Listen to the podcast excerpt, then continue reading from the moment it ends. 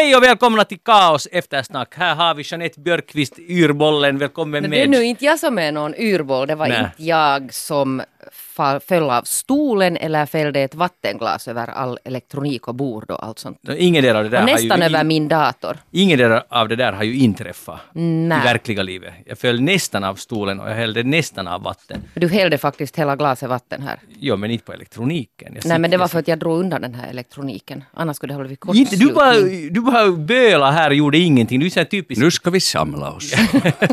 Jeanette Björkqvist alltså med i eft- eftersnack idag och Rico Eklund är den samlande lugna kraften. Välkommen med. Tack så mycket.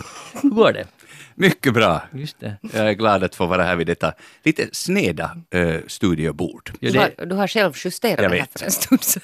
det, lyssnarna ska bara veta hur mycket som aktivitet här försiggår just innan eh, sändningen inleds. Eller hur, Rico? Ja, det är spännande sekunder och Ja. minuter. Jag heter Magnus Lundén, program alltså Eftersnack. Vi ska lämna allt det där bakom oss och ta itu med veckan som gått. Och då tänker jag börja med, och jag vet att Jeanette har väntat på det här, ishockey. Finland-Sverige spelade igår kväll eh, och det slutade på ett ganska fantastiskt sätt då. Finland vann helt enkelt på extra tid. Uh, 5-4 var det visst. Jo, Nå, såg du matchen? Jeanette? Nej, men jag tittade nog, så jag tittade på valdebatten och så gick jag och la mig efter att valdebatten var slut. Mhm. Och sen vaknade jag till en seger och jag gick och lägga mig fast uh, övertygad om att Finland kommer att förlora det här. Ah, du hör till dem. Ja, men nu tror jag ju så det att eftersom jag inte, om jag skulle ha tittat så skulle Finland säkert ha förlorat så det var ju, ni, ni kan tacka mig för att jag inte Tack. tittade. Finland tackar Jeanette, absolut. Rico Eklund, du är ju känd som en hockeyfan. Jag är jättestort hockeyfan. Eh, inte då alltså. Eh, men mm, det var någon som pratade om att det...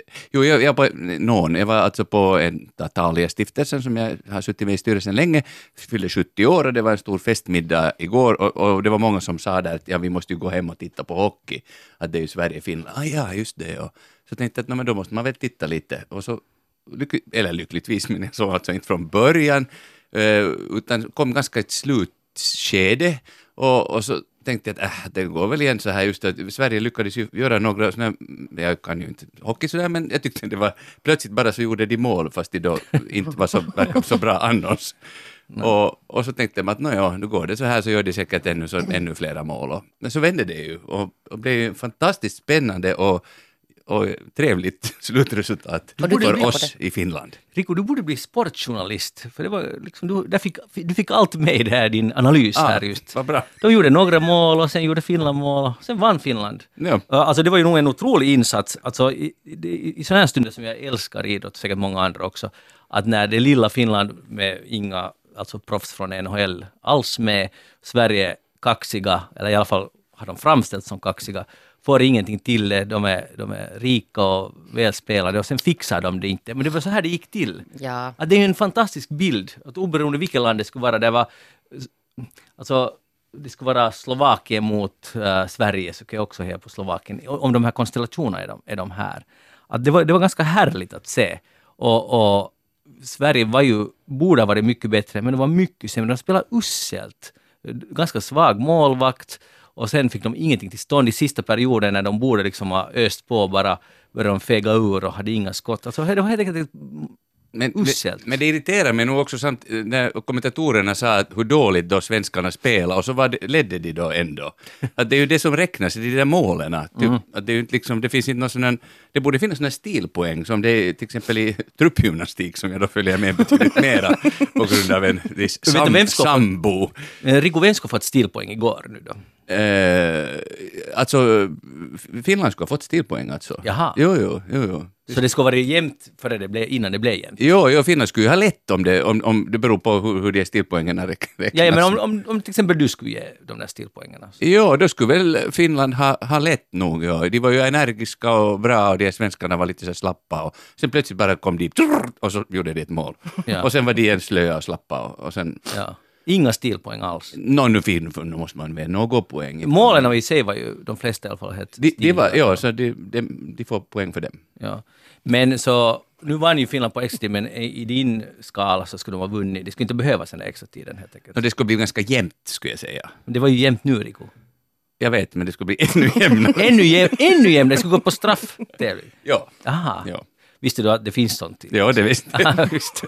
Men Jeanette, du, du sitter där och försöker hitta något negativt med den här matchen. Vad, vad Nej, jag hittar inte alls något negativt. Alltså det enda som jag tycker att det är lite alltså på något sätt rörande att, att alltså jag menar jag som då finns där på sociala medierna, alltså Mm. den här alltså otroliga explosionen igen, alltså den här glädjeyran alltid när det är Sverige som står emot. Så det kan jag alltså inte upphöra att, att fascineras av. Och det Nej. har gjorts någon sån här nu kartor som man delar ut på finska där det står att att Ruotsi on hävinnyt och så har, liksom har man manipulerat bort alltså då Sverige, från den här Det är kartan. en ordlek och det är, ganska, det är ju ganska roligt alltså, att det betyder både att förlora och försvinna. Men och sen den här alltså tesen om att, att om vi bara vinner mot Sverige så spelar det ingen roll hur det går sen i fortsättningen. Bara Mm. vi vinner mot Sverige så är det som att segra alltså hela tävlingen. Och det är nog alltså, jag tycker att det är fascinerande. Och det berättar ju mycket och det är ju barnsligt. Ja. Och det är konstigt hur det går från generation till generation. Jag har inte uppfostrat mina barn på det här sättet. Fast du själv har lite sådana tendenser. Nej, inte här med Sverige. Inte men du alls. satt ju just där och, och sågade dem för att de är så stora och arroganta. Ja, men de var för de hade 20 Och du skulle- NHL-spelare. Kan du, kan du nu lyssna? Ta in fakta. De har alltså spelare som är mycket mer välbetalda, spelar i NHL, det är en serie i USA och Kanada, där de största stora pengarna rör sig. Ja, Jag ser inte sådär förolämpad ut, Ja. för jag ger fakta nu åt dig och jag är snäll farbror. Ja. Ja, och Finland, nästan alla spelare kommer från finska ligan, som inte nu är lika glorious som Ja. NHL, och ändå lyckades Finland fixa det här. Jo, men det var alltså det här, det här mönstret har ju upprepat sig, Magnus, här under åren. Också utan att Sverige har haft alltså planen full av NHL-spelare. Jo, men jag sa nu att jag var lycklig över det här, för det här var det David Goliat. Den här gången Men också. Jeanette, visst får man ju vara glad för Finlands Men skull det är när det är klart. Finland-Sverige. Alltså. Jo men det är klart man får vara alltså, och, och det är liksom inte fråga om det. Och sen är man, så skulle man ju alltså önska i, i Finland så önskar man ju att det skulle vara en enorm katastrof alltså i Sverige att de borde kräla dit i Stofte och, och sen söker man reda på att var finns den här enorma, för hockey är ju otroligt stort i, i Finland men sen är det ju bara det i Sverige att det är inte riktigt lika stort där. Nej, inte riktigt. Nej, men nu, har ju, alltså nu slog ju de kvällstidningarna upp det enormt att det var katast- just katastrof och Jo det kan man fiasko vänta sig det men sen stod. alla andra. Jag tycker inte, alltså det här, det, det, om vi nu bort, jag, håller, jag tycker att du har, jag håller helt med dig om att det här Sverigekomplexet är barnsligt. Och, och det var det jag försökte säga, att det går vidare till generationer. Uh, mina barn till exempel har det samma och jag kan inte förstå varifrån det kommer. Utan de vinner Sverige. Liksom, vad, är det som är så viktigt med det, just det? Men, men oberoende var en fantastisk fin seger igår. Men, och det här skulle jag vilja diskutera, att, att får ni inte, att jag blir sådär jättestolt oberoende vem det är, när någon liten vinner en stor. Alltså, och det, det var det igår. Inte därför för att Finland är så litet i jämförelse med Sverige, men i fråga om spelarmaterialet så borde Sverige ha vunnit ungefär 5-1. Men det gick inte alls så. Att med kämpaglöd och med sammanhållning och alla fin, andra fina ord, så, och lite tur också, det måste man ha, det har inte Finland alltid haft, så fixar det sig. Och det tycker jag, det gör idrotten fantastisk, att det, att det händer sånt här. Mm. Håller helt med. Sen är vi ju, alltså, om man numerärt är vi ju ungefär hälften av Mm. Sveriges fo- folkmängd, så att det där, vi är ju en No, ja, men det, ja, det stämmer. Ja. Nå, ja, men är, vi är glada. Och hur går det Jeanette nu, din analys mot Ryssland? Det är nästa lag i semifinalen. Nå det där, nu är jag ju ändå så pass finländsk att det där man måste ju utgå från att, att det går säkert dåligt. Just det. Och sen blir man glad om det går på något annat sätt. Typiskt exempel, typiskt, uh, typisk reaktion. Rico Eklund, du har ju nu Jag är visat nu- dig på ganska... Jo, jag är nu sporrad av den här matchen igår, så att jag, jag tror att det kan sluta riktigt bra. Aha. Och det skulle vara en ännu större sensation. Mm. Kanske just Sverige. 4-3 eller något sånt. För, att, för där har jag, jag har ett sånt storebrorskomplex mot Ryssland. Jag, just i ishockey, för de, de är först dryga och de anser liksom att de är alltid helt enkelt bäst. Det här är vad jag tror i alla fall. Och en seger imorgon skulle för mig vara ännu mer värd den här segern mot Sverige. Det skulle vara helt fantastiskt om de skulle fixa det. Men det, tror, det blir nog väldigt svårt. He, Jag lever i hoppet. Sportradion fortsätter en annan gång. Det finns mycket sport på svenska.yle.fi för den som vill läsa mera. Men Theresa, Theresa May avgår 7 juni. Och idag har hon ställt sig där utanför dörr nummer 10, eller framför. Och såg ni, har ni sett det här inslaget där hon håller? Nej, inte ännu. Kort referat, och det är ungefär, jag vet inte hur långt det var men det, den, den, det jag såg var lite ihopklippt. Och hon börjar tappert och berätta att, att hon är jätteledsen för att hon inte lyckades förverkliga Brexit under sin tid. Hon har, hon har verkligen försökt. Och så i slutet säger hon att, att hon har gjort allt för, for the country I love. Och sen, sen alltså hon, börjar i princip att gråta, vänder sig om och marscherar in i nummer 10. Och, och det, jag, jag blev helt så här att jag hoppade till när jag såg det, för det var alltså faktiskt känslor. Uh, och det kan inte ha varit fake, eller förstås var det inte fake. Men det är ganska sällan man ser en politiker ännu på så där hög nivå ta till tåren. Och jag tyckte det var, det var ganska mäktigt på ett sätt, men samtidigt såg det ut som om hon skulle bli, känt sig förolämpad. Hon bara vände ryggen och, och försvann ut, försvann in.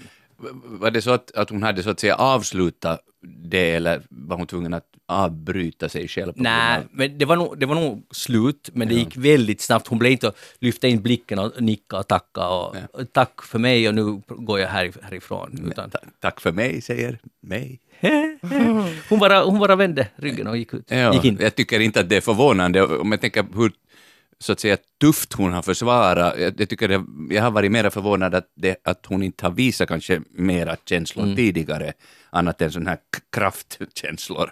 Eh, så att det, det är ju ganska förstående, att, jag tycker man förstår det bra att, att när det sen kommer en punkt när det inte mera går så att, att de där känslorna väller fram. Ja, det vad vi fick idag var ju ett datum. Att nu, har det ju varit, nu har vi ju vetat om att hon har ju sagt att, att där, hon kommer att gå, men att nu kom hon till den punkten då. Ja, när hon faktiskt tänker, eller gav ett datum för det. Men äh, äh, tror du att hon har sovit gott de senaste, halv, det senaste halva, halvåret? Och inte vet jag, har hon sovit gott alltså det senaste ett och ett halvt året. Ja. Men hon har ju nog varit oerhört pressad alltså, herregud. Men tänk att, att, så, att, tänk att man håller, att en människa håller den där pressen. Jo, jag ska säga att den här i, i England så den här medien agerar på ett lite annorlunda sätt. Och politikerna också. Hon, Och hon blir politikerna hånad. också. Alltså det är riktigt, riktigt hårt. Alltså, Men det är ju hårt redan i själva parlamentet, alltså det är, ju- det är Ja. otroligt. Så att jag menar, det är kanske en sorts skola att sitta där i parlamentet för att den är så, de, de är så hårda i sina attacker också. Och det hör ju till, det är ju deras tradition att skrika och, och hojla på där liksom. Och sen se, ropas det order, order emellanåt. Så det lugnade sig igen en stund. Ja, men ändå, och det betyder, jag tror att det där är- låter ju väldigt, liksom, det måste ju vara så som det är.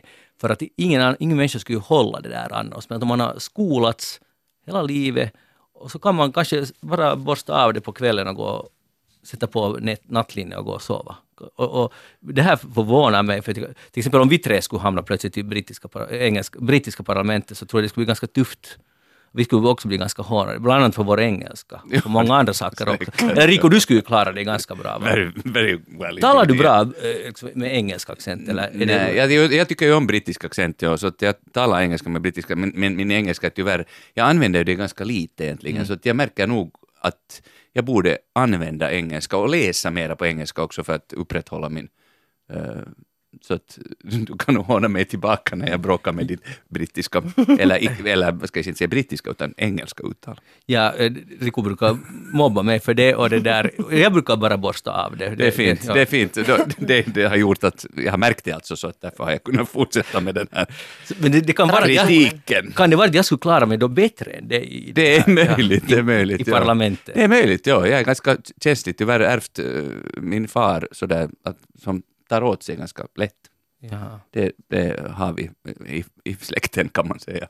Men jag måste säga Känsliga. att min engelska är nog usel. Uh, det, det är konstigt för att i, vi, jag tror att vi alla, nästan alla, alla i vår ålder och yngre, så bär man på här att jag, jag kan engelska.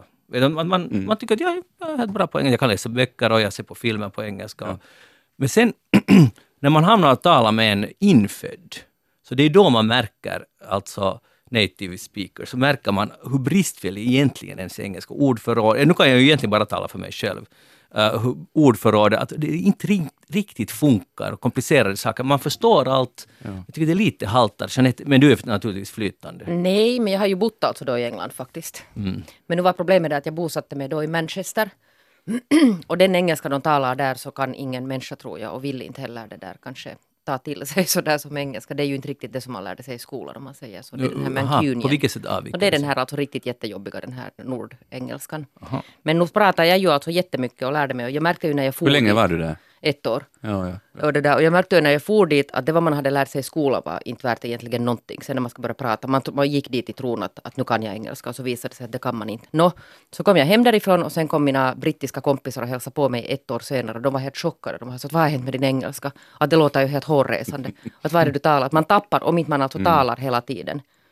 Så nu är den alltså på den nivån att om jag talar med en britt så blir den ganska bra ganska snabbt. Men sen om jag talar med någon som talar dålig engelska påverkas så, så påverkas min egen engelska. Att, att talar jag med någon tysk engelska så blir min engelska också lite så här. Jag, jag hade, eh, som jag har säkert nämnt förut, eh, mycket god vän, italiensk eh, kompis, som ju då, and he talks, you know, English like this, and when I talk with him I speak like this, with this Italian accent. och, det, och, och Skulle, speciellt skulle kunna dra resten av eftersnacket på Yes, of course. This is a nice program. You should all listen to us. This is Magnus Landén this is Janet Björkqvist. Ja, no.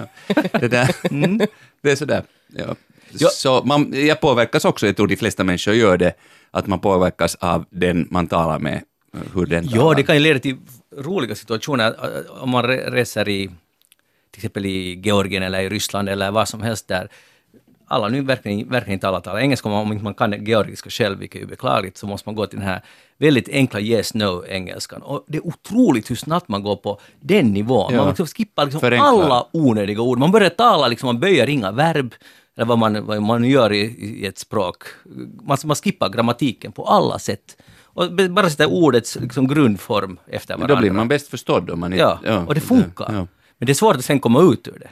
Sen när man kommer hem till exempel och ska tala engelska på riktigt. Så det där, där är ett problem. Men vi höll på att tala om mig och vi skippar nu mig för den här gången. Men uh, EU-valet närmar sig, Jeanette. Ja, Eh, du, du, ser- du är någorlunda lugn ut ser du ändå ut just nu.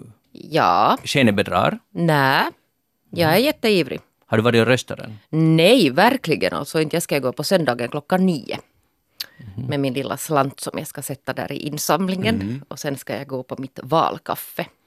Nå, tror du nu på det här, eh, det pratas ju mycket om att uh, så kallade populisterna och höger, extremhögern ska gå mycket framåt. I Europa eller Ja, i Finland. i I Europa. Europa. Nå, det, där, det gör de säkert. Alltså de kommer ju säkert att öka sin, sitt stöd. Men nu finns det ju också uppgifter om att det finns många av de här stora länderna så är det helt tvärtom. Alltså att de som går framåt är till exempel den här socialdemokratiska gröna alltså rörelserna. Så det har ju nog må- målats upp alltså en lite sån här kanske snedvriden på basis alltså av, av de här förhandsmätningarna. Nu vet man ju inte sen hur allt det här utfaller.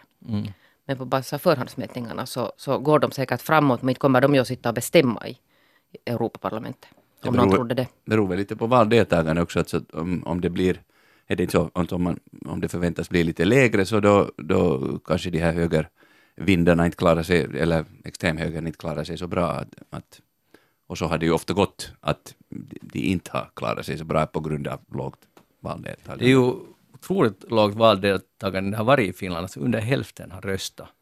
Det är ju också ganska konstigt, att man inte Tänk att det inte tänder till mer än det. Och det, bevisar, det visar ju på någonting. någonting Men det visar ju bra. på något sätt att man inte har lyckats kommunicera alltså vilken otroligt viktig roll Europaparlamentet har. Att man sitter och tror att allt händer här i finska regeringen och sen är de där, där långt borta i Bryssel och de här Europaparlamentet och de är på något sätt något helt annat och, och ibland tidvis till och med målas de ju upp som att det ska vara några fiender som sitter där och bestämmer och man förstår inte att det här är en del alltså av vårt beslutsfattande nu. Där är massa viktiga saker som avgörs i, i Bryssel. Men då är det ju nog också fel i kommunikationen på något sätt, för att det är ju inte bara det att man inte man tror att allt viktigt sker i Finland, men man kanske inte bryr sig. Det är någon, någon form av protest måste ju också vara.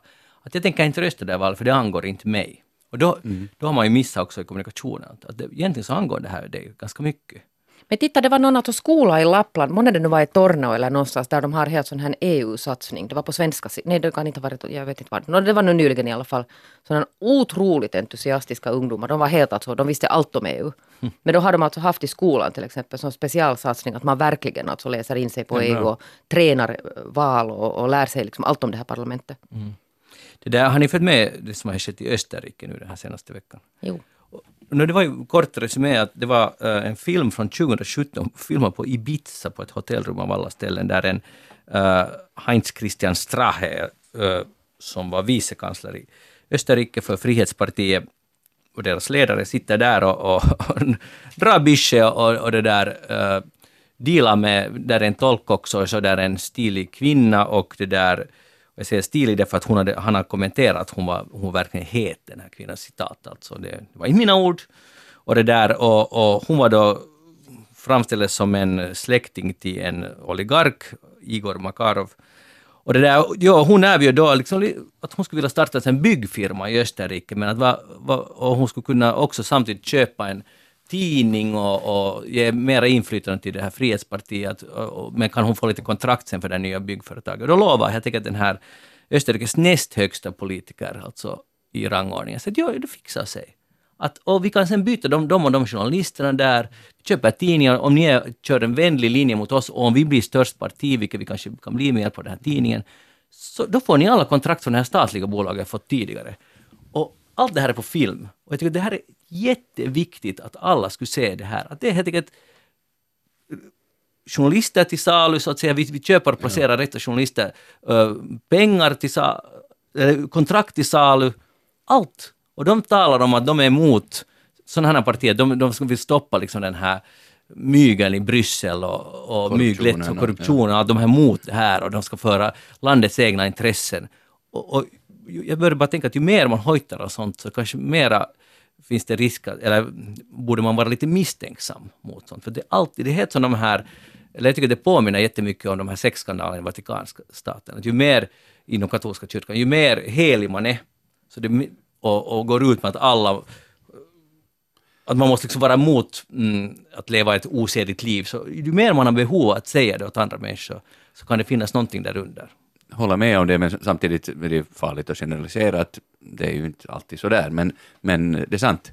Och tyvärr så tror jag ju att, att det här är ju inte den enda gången det här har hänt, också i våra västeuropeiska demokratier, utan jag tror ju att sånt här nog pågår i betydligt större utsträckning än, än vad vi tror eller vet att det nu då, förstås, vi lever i en sån tid där det är ganska lätt att banda saker och filma och så här, och sen dessutom få det utspritt så, så det kan bra hända att, att vi kommer att se mera, tyvärr, av den här, sån här slag av det är intressant att sitta i sju timmar, sju timmar i möte och det har släppts, alltså det har filmats 2017 men nu kom det ut. Så det är förstås tajmat inför det här valet. Ja. Är som, vem, man vet inte ens vem som har filmat det och, och vad har syftet varit och, och vem har skapa, gillra hela den här fällan, det vet man inte. Det går massa rykten om det. Men det kommer ut just före valet. Jag tycker att det är dåligt eller kan man göra så här? Man sitter Nej, och pantar på ett sånt här material. Inte vet jag, men jag, jag följde med en del av det här att, att man har försökt liksom diskutera det här att, att vad är motiven och liksom vem är det? Men det är ju egentligen alltså helt sekundärt. Ja. För, att, för att hur man än gör det så är det alltså så att det, där, att det här har hänt alltså. Och, och, och det är ju, antagligen är det ju så att någon har gillrat en fälla och sen har det funnits ett syfte, till exempel då inför för valet. No, so be it då. Ja. Men, men fortfarande har han gjort det här. Ja, det är verkligen en bra poäng för att hur man, hur man än förklarar och spekulerar, så där har de suttit. Ja. Och han har velat köpa en tidning, liksom, köp den här tidningen så gör vi av med oss med de här journalisterna och ni får de här kontrakterna. Det, det är korruption och mygel. Och i Österrike, alltså det är ju ändå ett det är ett EU-land, alltså jag, förlåt jag är så upprörd över det här, jag tycker det är helt sjukt, jag tycker att någon ens kan tänka och rösta på ett sånt här parti. Mm. Det, alltså, på något sätt så här, klichémässigt tänker man att det skulle vara ett östeuropeiskt land av, av uh, kanske längre österut. Hur långt österut tänkte du? No, de här som, nationer som slutar på stan av något slag. Kanske. No, nu ska vi, på tal om att generalisera här, no, just blev du upprörd när jag kritiserar katolska kyrkan. No, ja, men mm. Tänker du ta tillbaka det här? Nej, jag tar inte tillbaka det. Tycker du inte ta tillbaka Nej, jag, jag blir jättesårad av Kazakstans vägnar. Ja, jag är ledsen. Och dina vägnar. Nej. Ja, vad blev jag? Nu blev, bröt, ja, där ser du. Där bröts min tanke, jag blev helt nervös. Tomma tunnor skramlar mest. Ja. Okay. Han, han, har ingenting att komma med. Du ville tala om Österrike, att, det där, att man skulle tro att det är sånt som händer i de här andra Precis, staterna. det var det jag försökte säga. Tack ja. Jeanette. Men det föll platt i marken. Ja. Jag bombades med samma. Hej, har ni någonsin känt er som en extremt stabilt, ett, ett extremt stabilt geni? Nej. Mm. Har det varit nära? Nej. Aldrig, Riku. Någon gång du har fått publikens ovation och du har tänkt att jag är bra. Jag jo, är så stabil. Jo, jo, jo, det var kanske ditt ord. Jo, ja. jo, jo, det kan jag känna någon sekund någon gång att oj, jag är bra. Ja. Men inte att jag är, vad sa du, extremt stabilt geni. geni. Nej, just med de orden tror jag inte att jag har känt Men geni, det. om vi tar bara det. Nå, så där, vet du, mera inom citationstecken. Att jag, jag, Efter några glas vin så Jag har nog säkert sagt att jag är nog ett geni, för, ja. utan att jag egentligen menar det. Just det. Jeanette. Nej. Jeanette och Jani. Har du inte sagt det någon gång på skoj? Nej, jag kanske på skoj, ja. men, men alltså, då hade det varit mer sådär sarkastiskt. Ja. Men, men nu har du någon gång tyckt att nu, nej, det här var bra fixat? Nej, gå nu till dig själv bara och berätta att du har tydligen känt så. Nej, inte, inte i det här ord, ordvalet, extremt stabilt geni. Verkligen inte. Jag inte speciellt stabil uh, Men nu, ibland har jag nog tänkt att... stabil att har jag nog tänkt att jag är, men inte, det, inte kom- du stabil. men inte Men nu har, du kombinerat med varit, geni. nu, nu har du varit nöjd med rätta för många saker du har skrivit och gjort. Nej, det har jag nog aldrig faktiskt varit. Nu borde ni se Jeanettes min. Ja. Jag hade Nej, viss ironi. Nej, jag är jätteauto självkritisk. Ja, men, Nej, men nu har du... Men konstigt- ja. Men vad ska ni sitta nu här och försöka få mig liksom Jo, att vara så där det är jag tycker att jag är så... jätteroligt. Men det är som Nej, ett- men vad är, det, vad är det här nu? Det här är så fint. Varför kan vi inte säga att vi är bra? Jo, jag- jag tycker- nu Nej, men man jag- kan alltid vara bättre, Riku. Förstås, men nu har jag ju hört dig säga, och också, nu säger jag det i etern, kanske det inte var det, alltså att du har varit nöjd och stolt över något som du har åstadkommit och skrivit. och all orsak. Och du har ju fått pris och allt, både, ni Nå, båda två. Nåja, men ska vi nu alltså gå tillbaka till temat? Nej, men det är ju det som är tema. Jag, jag, blir jag går upp i... Varför, varför har vi så svårt med att säga att, att vi är bra här i Finland? Varför pekar du på mig? Eh, Ni båda, vi alla. Jag talar med Jeanette. Det var hon som sa att hon inte är bra. Men tycker du Aha, att så du är du- bra? Att jag har nu tidvis har gjort en bra sak. Nå, ja, ja, fint, Absolut. fint, fint, bra, bra. Men, men jag, ville bara, jag ville säga att Jeanette, att vissa saker är du absolut ett geni, men inte du är stabil. Alltså inte du Stabil är jag ju nej, visst. Nej, du är inte alls lugn. Du är liksom motsatsen. Men du skulle se mig sen i den här riktiga situationen. Ah, med de alltså, utsatta. Ah, i en livsfara. Alltså, då vad är är det du vill Ja. komma till? Ja, ja, ja, det är bra, bra, bra. Nu ska vi gå vidare. Ja. Utan det är så att Donald Trump har, har det där sagt här i, igår. Han har fått då kritik för att han tappade fattningen på ett möte han, som varade i tre minuter. Han marscherade ut. Så han får kritik då av Pelosi, Demokraternas boss i princip. Och, och hon är den enda som lyckas liksom få honom ur balans. Och, och han blir hemskt tokig på henne för att, att hon lyckas med det. Så nu hade han sagt att han är, han sa att han är ett extremt eh, stabilt geni, att han är inte alls eh, sån här, vet jag, att han bara flippar ur. Och så hade han ställt, han, fattar ni, det här är världen, ledaren för den fria världen som det brukar heta. Så han har ställt upp sina medarbetare där på presskonferensen och säger att hej, var jag inte ganska lugn på det där mötet? Och så i tur och ordning sa att ja, ja, du var, du var extremely calm, you were very calm. Alla i tur och ordning av hans Inför kameran? Inför kamera på presskonferens måste de alla nicka där och säga att ja, du var nog hemskt lugn på det här mötet. Och då, jag tycker att nu, allra senast nu, borde man förstå att vi har att göra med ett litet barn och, och det är ett faktum. Så här är det. Och, och det är ju ganska ledsamt. Det är mycket ledsamt, ja. Oj. Jag, Oj, oj. jag har ja, varit med om någon regissör som har betett sig sådär mot skådespelare och ville ha det just offentligt bekräftat att den ifrågavarande personen är bra alltså. Tänk att Och, och bett om att alla ska säga det i tur och. Ja. man har nog ganska svagt självförtroende. Ja, ja, och det är ju ja. ledsamt, det är ju inte alls något roligt. Det där, och han sa också att han är den mest transparenta presidenten i USAs historia. Det är ju inte, det är också det visar, en ju grym på, lögn. det visar ju på djupa självinsikter. Ja. Något. Ja, nej, något. Men Nå. tänk, hörni, tänk att jobba under honom, alltså det kan ju en var tänka på som är missnöjd med sin chef. Så ska man ju alltid kunna ha det på ett annat sätt också. Det är sant, och de får ju egentligen inte så hemskt bra betalt. Mm. Eh, jag har kollat de här lönerna, det är inte alls så höga löner. Så att, Inom administrationen? ja, man är eh, hans press, andra i press, eh, vad heter det, talesmännen, kvinnorna, Ja. andraåringar, tredjeåringar, så det är inte alls någon jättehög lön. Mm, de borde ju ha det, tycker man. Det är ju en jätte... En, en pressad position. Sluta. Men, det är eh, det. Jeanette, geniet, eh, vad har du tänkt på den här veckan? Nu hörde jag har tänkt på det där sån här, eh, den här alltså nya, det här, när sociala medier nu finns öppet för alla. Så, så det är ju inte helt ovanligt, eller i själva verket så är det faktiskt jätte, jättevanligt nu för tiden att, att enstaka människor har en upplevelse och så går man ut där, särskilt när man är missnöjd, och så går man ut och, och skriker om det på, på de sociala medierna, till exempel Facebook. Och så leder det till alltså stora sådana här stormar för att medierna plockar upp dem. Som ett sånt här case, eh, en sån här eh, grön Helsingforspolitiker som här för ungefär en vecka sedan, Kajsa Hernberg, Hernberg, hur man nu säger det, som hade varit alltså på en restaurang och så ville hon ha veganmat. Och, och det hade de, men hon var lite missnöjd med den här serveringen och så hade hon då gett, som det visade sig, ganska eh, skarp kritik till den här servitören och, och uttryckt och frågat vill ni inte ha... Nej, det på något sätt hade eskalerat den här situationen.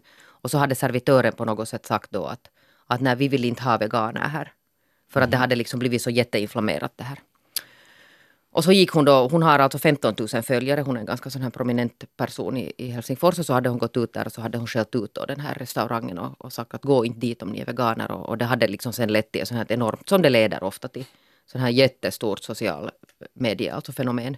Och så blev det förstås en massa tidningsartiklar om det och medierna skrev om det här. Och, och den här restaurangen som är en prisbelönt restaurang och de hade varit jätteledsna över det här. Och sen, sen det där har hon nu sen efteråt faktiskt bett om ursäkt och sagt att hon kanske lite Överreagera. överreagera för att hon var så hungrig och hon blev inte mätt av deras mat och, och servitören hade gått dit bak, ba, i bakrummet och gråtit och det hade liksom, allt hade bara blivit fel. Men nu är ju då skadan skedd, alltså det, det, det, finns kvar det här. Hon har tagit bort den här uppdateringen, hon har bett om ursäkt och, och tyckt att det var jätteledsamt, då kan vi bara glömma bort det här. Men det här är ju liksom bara ett exempel på, på hur saker går till nu för tiden. Mm. Och sen att det här att, att det får alltså jätte, oberoende av att om det inte är en sån här alltså ändå ganska prominent människa, att en enstaka människa går till exempel på ett café, får dålig service, skriver något jättesvidande på, någonstans på Facebook och sen vips så har någon medium att plocka upp det och så blir det sån här nationell nyhet. Till exempel här i veckan var det någon mamma som hade varit på en sån här lek, stor innelekpark i Helsingfors, eller var det Vanda, och fått någon sån här dammhöga på några av de här maskinerna och satt ut alltså de här bilderna och det blev också alltså jättestort att herregud så äckligt och usch och så snuskigt och dit kan ingen men någonsin mera gå vet att, att, att de här fenomenen, att, man, att allting blir så jättestort och, och du kan aldrig veta.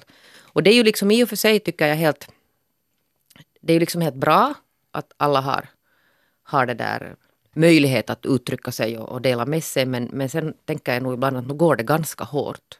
Det går ganska hårt. Och då blir man ganska sådär känslosam ibland för saker. Det, uh, jag blir först jätteintresserad av att veta vad hände på den här restaurangen och det vet vi ju inte. Så det Men det har nog redogjorts alltså i ganska detalj om man orkar läsa den här. Jag vet inte om jag nu orkar. Nej. Om jag nu tänker efter. Men, men det du ville diskutera var ju egentligen det här fenomenet. Ja. Och hon, hon har ju säkert nu reagerat med passion och hon har inte tänkt på vilken makt hon egentligen har. Att om hon nu har 15 000, det är nog ändå ganska mycket folk.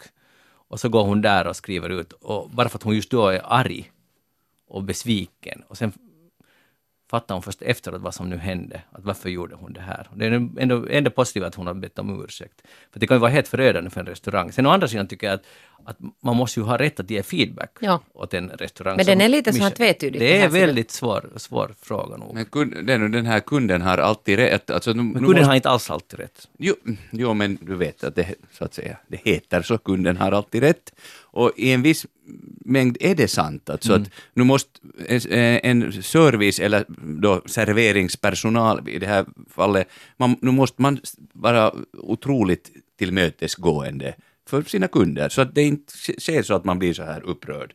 Det är klart att hon, hon har kanske då gått för långt i, i, sin kritik, men, men det där, nu, nu har jag varit med om det har jag inte sen, oh, jag har inte 15 000 följare, men det där, eh, alltså situationer där jag har blivit jättestörd och, och framförallt om, om eh, restaurangpersonal eller vad det nu råkar vara, inte så att säga kommer emot och ber om ursäkt. Mm. Om det är något som är klart fel och jag säger att det här är inte okej, okay, och om de då börjar bortförklara eller förminska mig eller att min, min åsikt inte spelar så stor roll, så då blir man ju bara mera arg. Och då ökar det här och, och ilskan och, och, och, då kan det just bli jättestort, mycket större än om man genast medger att ja, ni har rätt, förlåt, men skulle du till exempel mm. sen gå alltså hem och så börjar du knacka ut det här på de här sociala medierna och, berätta? Skulle, skulle jag inte bli eh, okej okay bemött, alltså, skulle jag, skulle jag bara få bortförklaringar och, och just så här att jag är en idiot ungefär, eller inte idiot, men liksom negativ uh, motstånd liksom mot det när jag försöker säga någonting. Och jag har varit med om det, nu kommer jag inte på exakt några bra exempel, men, men var, några gånger har jag varit med om det här och, och då blir man ju jättestörd att, att hej, snälla be nu liksom om ursäkt. Så alltså, nu är det okej? Okay? Nu vänder jag lite kappan, kappan här, för att nu har vi ju en tradition i Finland, kundservicen har ju varit länge usel. Ja, no, och, det, och, det, går ut på, och det går ut på just det som du sa, Säg, be aldrig om ursäkt.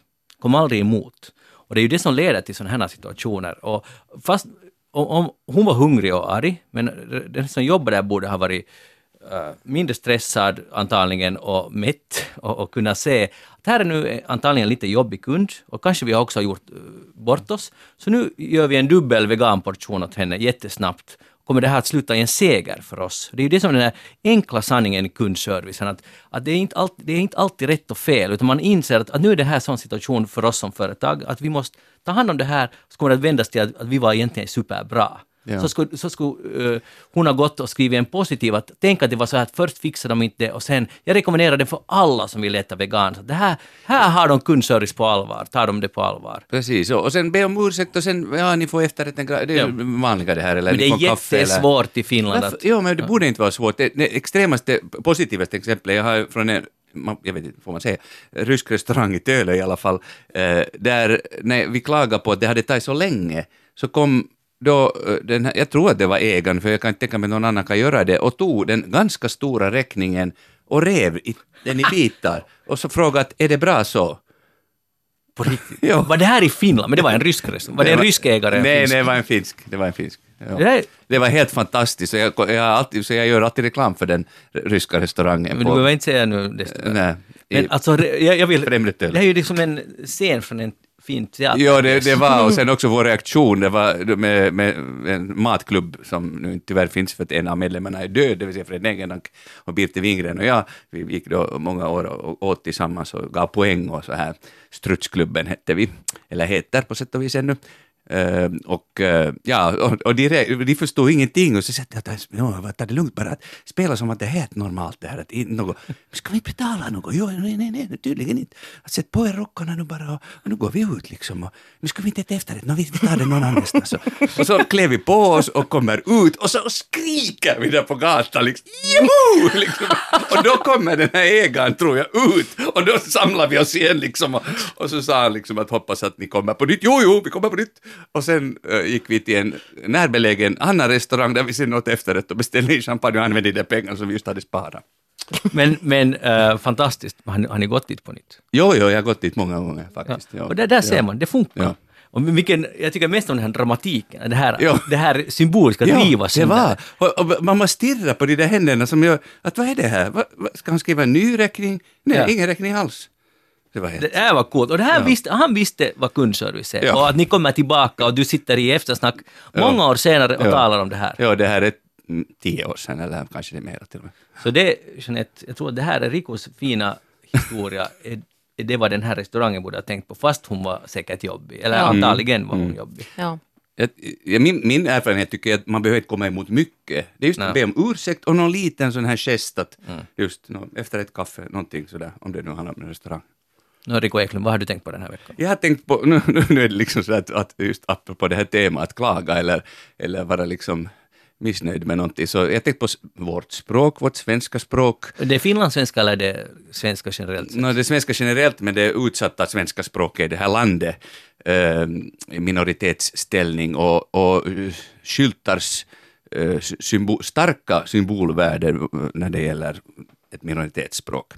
Eh, dels eh, finns det den här som rene, så att säga, gamla nyheter, det vill säga den här som faktiskt idag invigs, Åbo-funikularen, alltså den här eh, bergbanan eller egentligen snedhissen som det är, som det var ju ett rabalder om när den bara hette Funikulari.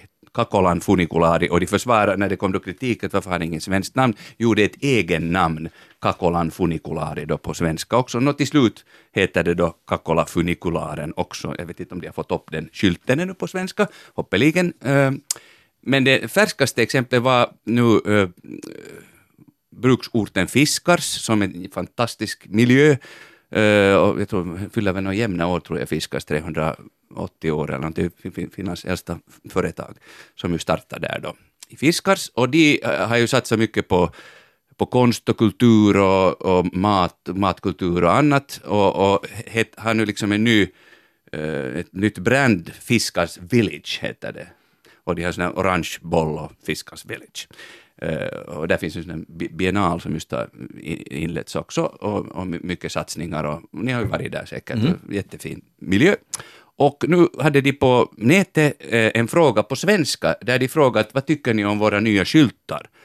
Och, och då, de var snygga de där skyltarna, men då står det alltså på finska och engelska i Fiskars. Och så frågade de på svenska att vad tycker ni om våra nya skyltar? Det blev så ironiskt. Jag skrev där att, att, att förlåt men, men var är svenskan alltså? Nu talar vi om en, en kommun där det, svenska fortfarande är majoritetsspråk dessutom. Och så tänker man så här, Eh, Det kan hända att de fiskas idag, att de som bor där, att det faktiskt är finskspråkig majoritet, det är möjligt. Men Det är det nog. åtminstone inte engelska, åtminstone inte det andra språket. Att jag fattar inte. Och sen blev det en eh, sån här, eh, många som höll med mig då och skrev andra inlägg. Och så svarade då Fiskars Village. Jo, eh, tackar för din kommentar eh, Riku, men eh, vi har den här gången valt att, att lämna bort svenskan till förmån för engelskan.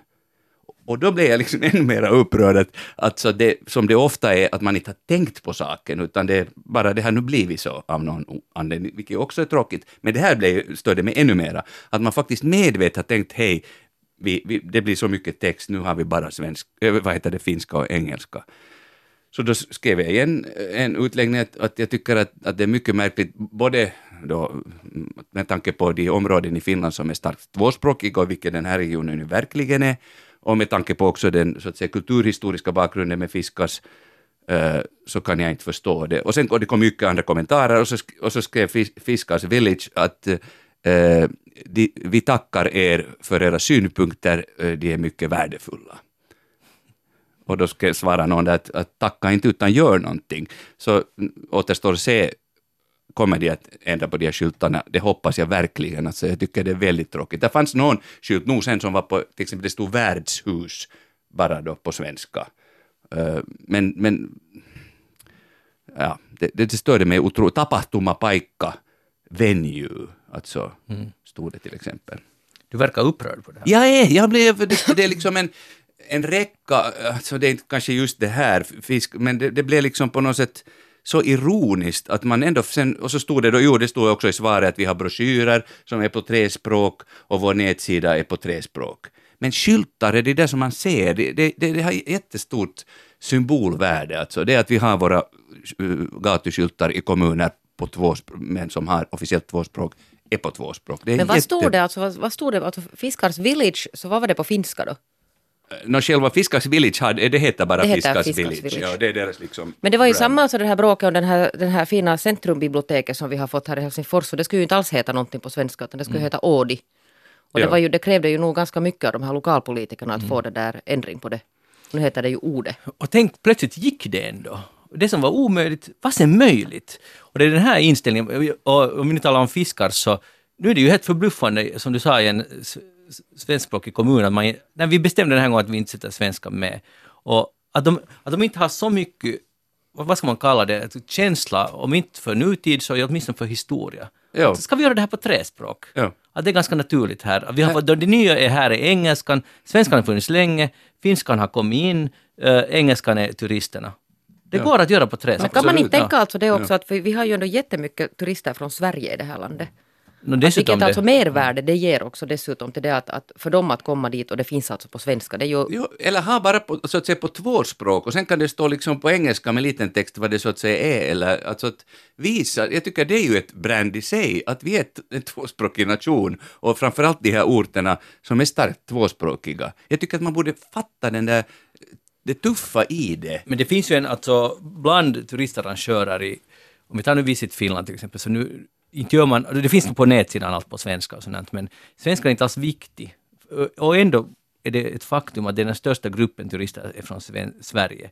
Och jag tycker det görs förbluffande lite för att locka dem. Och Här finns ändå ganska stort kulturutbud till exempel, som skulle tala direkt till dem. Finskan är svår. Eh, de kan kanske gå på teater på finska. Om inte- Det är teaterfreaks som bara vill se eh, hur te- finsk teater funkar, men man förstår inte dialogen på det. Men det finns massor av events i det här landet som vi känner, som vi vet alla. Tillställningar. Tillställningar, ursäkta, bra! Just det. Och, och det här prioriterar man inte alls och det är ganska konstigt. Och sen just en sån här Casey Fiskars, uh, fall, ursäkta, en sån här eh, incident, det där. Men, men sen kan du ju bli anklagad för skyld, så kallad skyltsvenska. Är det nu så stor skillnad vad det står på den här skylten? Ja, det är, det är stor skillnad. Det är faktiskt det. Eh, ja, det, här, och jag, jag förväntar mig att det här kommer att... Och den här blir bara längre och längre, den här tråden med människor som är upprörda. Här finns en... Uh, däremot, det förvånar mig att här var några, så att säga, som jag vet, svenskspråkiga som, som har svarat då att, att det är fina de här skyltarna. Men de är kanske snygga. Nå, de är helt snygga. Men det handlar ju, alltså, det handlar ju förstås också om det att göra en, en jätteful två finska tvåspråkig skylt. Eh, Jag menar, det är ju inte så, att, det ska- klart den ska vara snygg, men det är inte svårt att skapa uh, snygg layout med, med också med tre språk. Nej, men det, det framställs ju ofta som ett enormt förhinder. Det går, det går inte. Ja, nej, Eller att det- hitta på ett namn Jag tycker jag har överhuvudtaget. sett många exempel där det har lösts på mycket, många olika fina sätt. Alltså. Kan du hålla oss ajour med den här, i den här Det frågan? gör jag mycket ja. gärna. Ja, och, och var finns den här diskussionen? Det finns på Facebook på Fiska Village. Ja, Okej. Gå in där och, och tyck till, som det heter. När vi ändå, Säg er åsikt. när vi ändå talar om Västnyland så går, fortsätter vi med Västnyland. Jag läste på svenska.yle.fi om Mikaelskolan, det vill säga Steinerskolan i Ekenäs, så de har nu bestämt att de stoppar telefonen under skoltid. Det kommer bli så, eller det är väl nu redan så att i Ekenäs, alltså i den här skolan, så måste telefonerna, man kan inte helt, helt, får inte ha på dem under rasterna. De ska vara avstängda under hela skoldagen.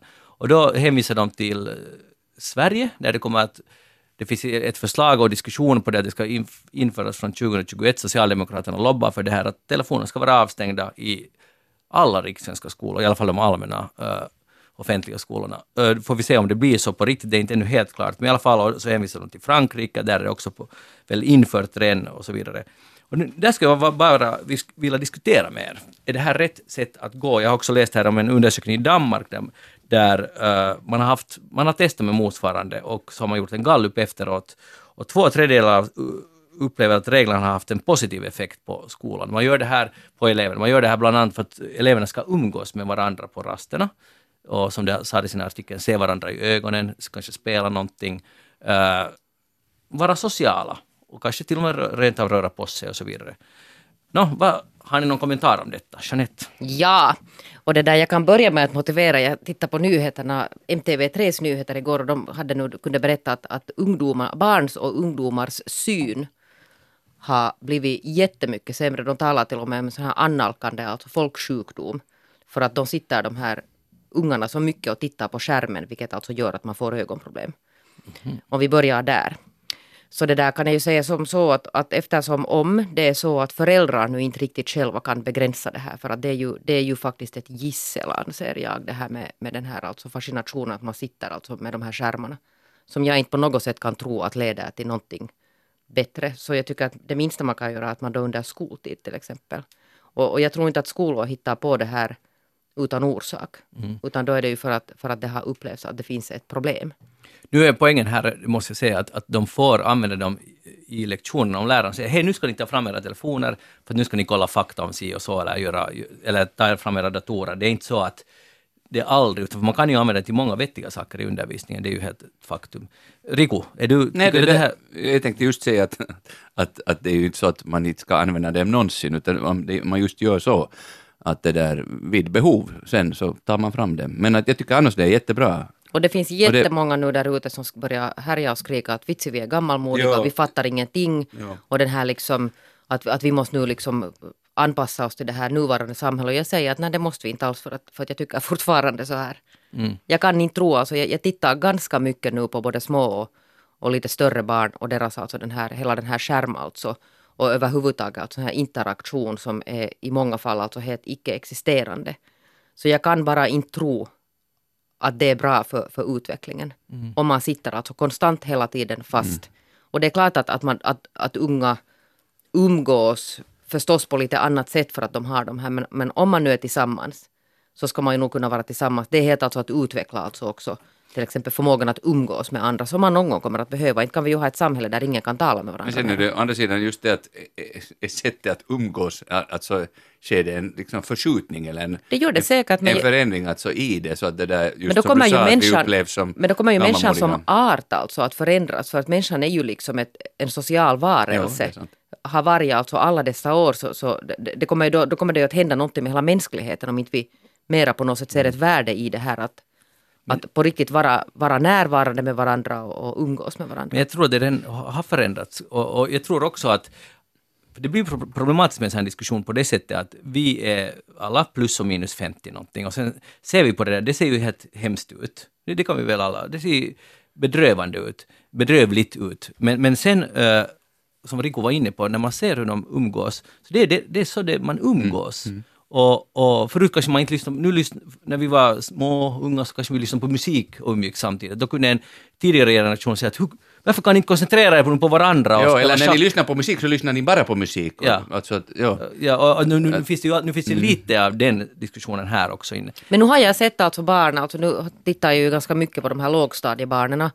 Där någon är jätte, alltså mycket med sin telefon, fast med sin telefon, de har ju alltså telefonen i den här åldern. Och de andra skulle vilja leka. Men sen, alltså, sen fallerar alltså leken för att, för att en inte är med därför för att den bara sitter och tittar på sin telefon. Ja, ja. Och, då, och det, sen händer det ju alltså någonting, det blir ju värre sen, alltså det jag, håller med dig och jag tycker det är ju... Alltså, upp, ofta upplever man att, att något barn vill leka och, och säger att det gick inte för den, är, den, den och den, helt som du sa, bara vara på skärm. Och jag tycker det händer ganska ofta, jag hör just de där sa, sakerna. Och sen om man, jag var till exempel i Stockholm här förra veckan, så jag var helt chockad när jag såg lekande barn ute på gatan. Och det var inte så ovanligt förut, för det var det man gjorde. Och det så- såg i alla fall jättehälsosamt ut, eller bra ut. Och det kan vara att det här låter också jättekonservativt, men man blir ju glad av att se sånt. Ja, men om man talar om att barnen ska röra på sig så det är liksom det enda är ju att man plockar bort de där skärmarna lite. Men här finns en sak som jag skulle diskutera, för det är lätt som vi alltid fokuserar på en nästa generation. De borde göra si och så. Nej, och vuxna har också jättestora Ja, men problem. nu, det skulle vara intressant att veta i de här skolorna som går in för det här. Gäller det här förbudet också vuxna? Så är det så att, för man måste ju också, om man ska ha en sån här linje borde man föregå med något sorts exempel. Exempel, ja. Att vi behöver, I den här skolan använder vi inte telefonen, att vi um, ser varandra i ögonen och umgås. Så då hoppas man att det är konsekvent. Jag har på något sätt, nu vet jag ganska lite om hur lärare lever, men jag har nog jättesvårt att tro att lärare skulle ha tid och möjlighet att sitta liksom med näsan fast i skärmen och titta på något. Nej. Men säkert måste ju för, ja, men de förbereda lektioner och di- diskutera med varandra, skaffa information och sånt här. Så Bemöter nu- så nu elever. Måste, ja. Så jag menar att nu måste ju säkert vara uppkopplade på det sättet ändå och kanske det kommer någonting de ska svara på, något som föräldrar har tagit kontakt med dem om. Så jag menar, inte kan, inte kan, inte kan, jag tänka mig att lärare kan lämna bort liksom sin uppkoppling så att säga för, Nej, men det är lite den här hela man, dagen när man är vad man använder alltså den här uppkopplingen till. Nåja, men då är vi igen, inne i det. Nåja, det, det, ska vara intressant att göra en utvärdering av det här. Om du börjar med det nu och om ett år, hur, hur, hur såg det ut? Vad hände med skolan? Det skulle vara superintressant och med eleverna. Ja. Vi är nog alltså tyvärr, mig och min sambo, det där liksom, dåliga. Vi sitter mycket med, med skärmar liksom på kvällen och så. där. Till exempel igår just hade jag en diskussion, när jag talade med Anton, att hej, att och sen satt han och så sa lägg bort den där telefonen, jag pratar med den. Jo, jo, men jag har den bara här i handen. Nej. Så rev jag den av honom liksom och la den åt sidan för att få hans totala uppmärksamhet och inte så en halv uppmärksamhet. Mm, jag tror att de flesta känner igen Ja. sig där, som endera. Hörni, jag brukar lyssna på en eh, amerikansk podd som heter eh, This American Life, som är ganska rolig, ganska sådär lite seriös och lite annorlunda än vad man skulle tro om amerikanska poddar. Och de diskuterar olika saker. Men i alla fall, här i ett avsnitt, jag tror det var ett tidigare avsnitt, så, så diskuterade de den viktiga frågan att det handlar om den här redaktören hade börjat vara på, när han var på fester och tillställningar märkte han att han inte alltid hade någonting att snacka om, att, att han borde hitta på något för att få igång diskussionen. Och så hade han hittat det perfekta. Att han frågade helt enkelt människor den klassiska frågan att skulle ni hellre vilja vara osynliga eller kunna flyga? Och då fick han alla igång och i så började alla fråga just nå, vad är randvillkoren, att, eh, att kan man flyga liksom hur länge som helst och, och när man är osynlig kan man gå genom väggar eller är man, är man bara helt enkelt osynlig? Så då har han satt upp sådana här olika villkor att, att man är helt enkelt Riku, du är Riku, det enda skillnaden är du hörs på samma sätt, det rasslar omkring dig när du vandrar och dörren öppnas, men du är osynlig. Du ska ha den här, och du skulle vara den enda i världen som har den här förmågan. Samma gäller flyga. Du skulle, inte ha, du skulle inte bli starkare. Jag vet svaret igen. Du skulle inte bli Superman. Du skulle bara helt enkelt kunna flyga. Frågar du oss också? Nu, nu tänker jag fråga er vad ni vill. Vad skulle ni hellre? Jag vill flyga, helt definitivt. Inte har jag någon, vill- vill jag vara osynlig?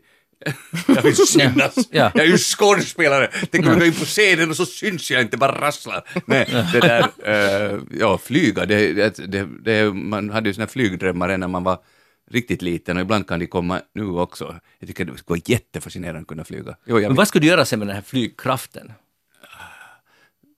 Alltså det skulle vara roligt att se allting uppifrån, det så roligt, jag skulle flyga runt hela jordklotet, jag skulle, och det skulle vara inte klimatsmart, jag skulle inte behöva flygplan, utan jag skulle flyga själv utan något, jag tänkte säga Jag hur- avföring, men det där, utan att... sa du, avföring? Ja, ja, jag vet, utsläpp alltså. Utsläpp, ja. Men jag undrar hur, hur snabbt ska man kunna... För det, det, det det missar jag där, vil- vilken hastighet, för det har ju ganska stor betydelse. Att kan man fara till, på en, eh, ett glas vin till Alsace Det skulle vara bara för kvällen, vi skulle kunna, men det är bara du som kan fara. Det är, du är den enda, ser du. Nej men, ja, ja, De andra måste ha andra måste ha flyg. Eller tåget, tåget, tåget, tåget, tåget, tåget. men då får jag vänta på det en stund. Ja. Okej, så du skulle välja osynlig? Absolut. Att flyga, Eh, flyga, flyga, flyga. Jeanette. Ja, jag försöker så här föreställa mig att jag skulle vara på en fest och någon kommer och ställer den här frågan åt mig så jag vet inte riktigt, skulle jag bli där och resonera hemskt mycket? Men nu, nu är det ju eftersnack, nu måste du svara på Nej, inte måste jag svara på någonting. Det där det är ju alltså en helt sån här teoretisk fråga. Nej, det här är ju en riktig... Nej men på en riktigt, vad- praktisk kan du väl hitta, har, har du inget svar på det? Nå kanske jag nu skulle flyga lite då. Flyga? Ja. Vad skulle du göra? Skulle du... Var- vart skulle Men du det är ju flyga? liksom, det är ju, det, det är ju liksom, det är ju ingen det- riktig fråga det här. Jag, jag tycker det är helt superriktigt. Och, och Ja, no, inte det är ju på riktigt på det sättet att vi kan inte Ah. osynliga, vi kan det så? inte flyga. Nej. Nej. Så är det Magnus. Ah. Och det är väl det Jeanette då försöker se, hon är som fötterna på jorden Ja. från Pirlax, att hon inte liksom vill inte kasta sig in i sådana här frågeställningar Men jag som att det här hon var ju upplever intressant. som Jag tycker, att möjliga. det, jag tycker att det här är alltså intressant att, att det här skulle vara alltså den frågan som får alla att, att öppna sig. Att han på något sätt hittat här är liksom the clue till allting. Ja, alla utom Jeanette Björkqvist. Men alltså jag, undrar, jag är nog inte riktigt säker på att skulle det där fungera i Finland. Men må- Ja. Du måste testa det här. Jag har faktiskt fått den här frågan någon gång. Ja. Har du? Ja, när du nu sa den så, ja, jag har faktiskt varit ut på någon middag med någon och då tyckte jag att det var lite konstig fråga. Sådär. No, ja. Aha, men jag tycker, jag tycker svarar inte alls gärna den är på jag, jag, skulle, jag skulle välja osynlig, eller jag, min instinkt var att jag skulle välja osynlig så jag skulle bli en journalistisk hjälte, jag skulle avslöja alla skurkar. Men det, det går ju inte för att just att, att man rasslar och dörren öppnas, så man skulle inte kunna placera sig vet ni, i ett rum. Så jag skulle ändå, om jag skulle få sätta till här eller resa i tiden bakåt, så skulle jag välja resa i Men tiden dit är du ju bakåt. på väg för det tror du ju att kommer att hända. Det kommer att hända, ja. Så jag skulle, jag skulle välja det. Jag tycker att ni ska pröva om det här diskussionsöppningen funkar. Jeanette är nog emot den här diskussionen, det är ledsamt. Nej, det är nu emot den, alltså för diskussionen, bara den som tycker att det här är spirituellt. Men vet ni vad han ah, under sin research, som journalisten har gjort, han märkt att inte en enda människa har sagt att jag skulle kämpa mot kriminalitet med mina nya krafter. Inte en enda. Och tänk att det är det enda superhjältar gör. Att de fixar världen bättre. Men inte en enda riktig människa skulle syssla med sånt. Du- De skulle just göra som du, Rico, fara till Alsace och dricka lite vin. Jeanette. Björkqvist, Jeanette Björkqvist, tack för att du var med i eftersnack idag. Det var härligt och bli inte osynlig, för det vill du inte och inte heller flyga. Men Rico, vi ses i Alsace i något skede. Jag hoppas det. Hoppas jag. Och jag heter Magnus Lundén. Eh, det här var alltså Rico Eklund. Jag heter Magnus Lundén. Eftersnack är slut för idag. Vi är tillbaka genom en vecka. Synliga som vanligt. Ni kan in, gå in också på facebook.com eftersnack om ni vill diskutera vidare. Ha det bra. Hej då!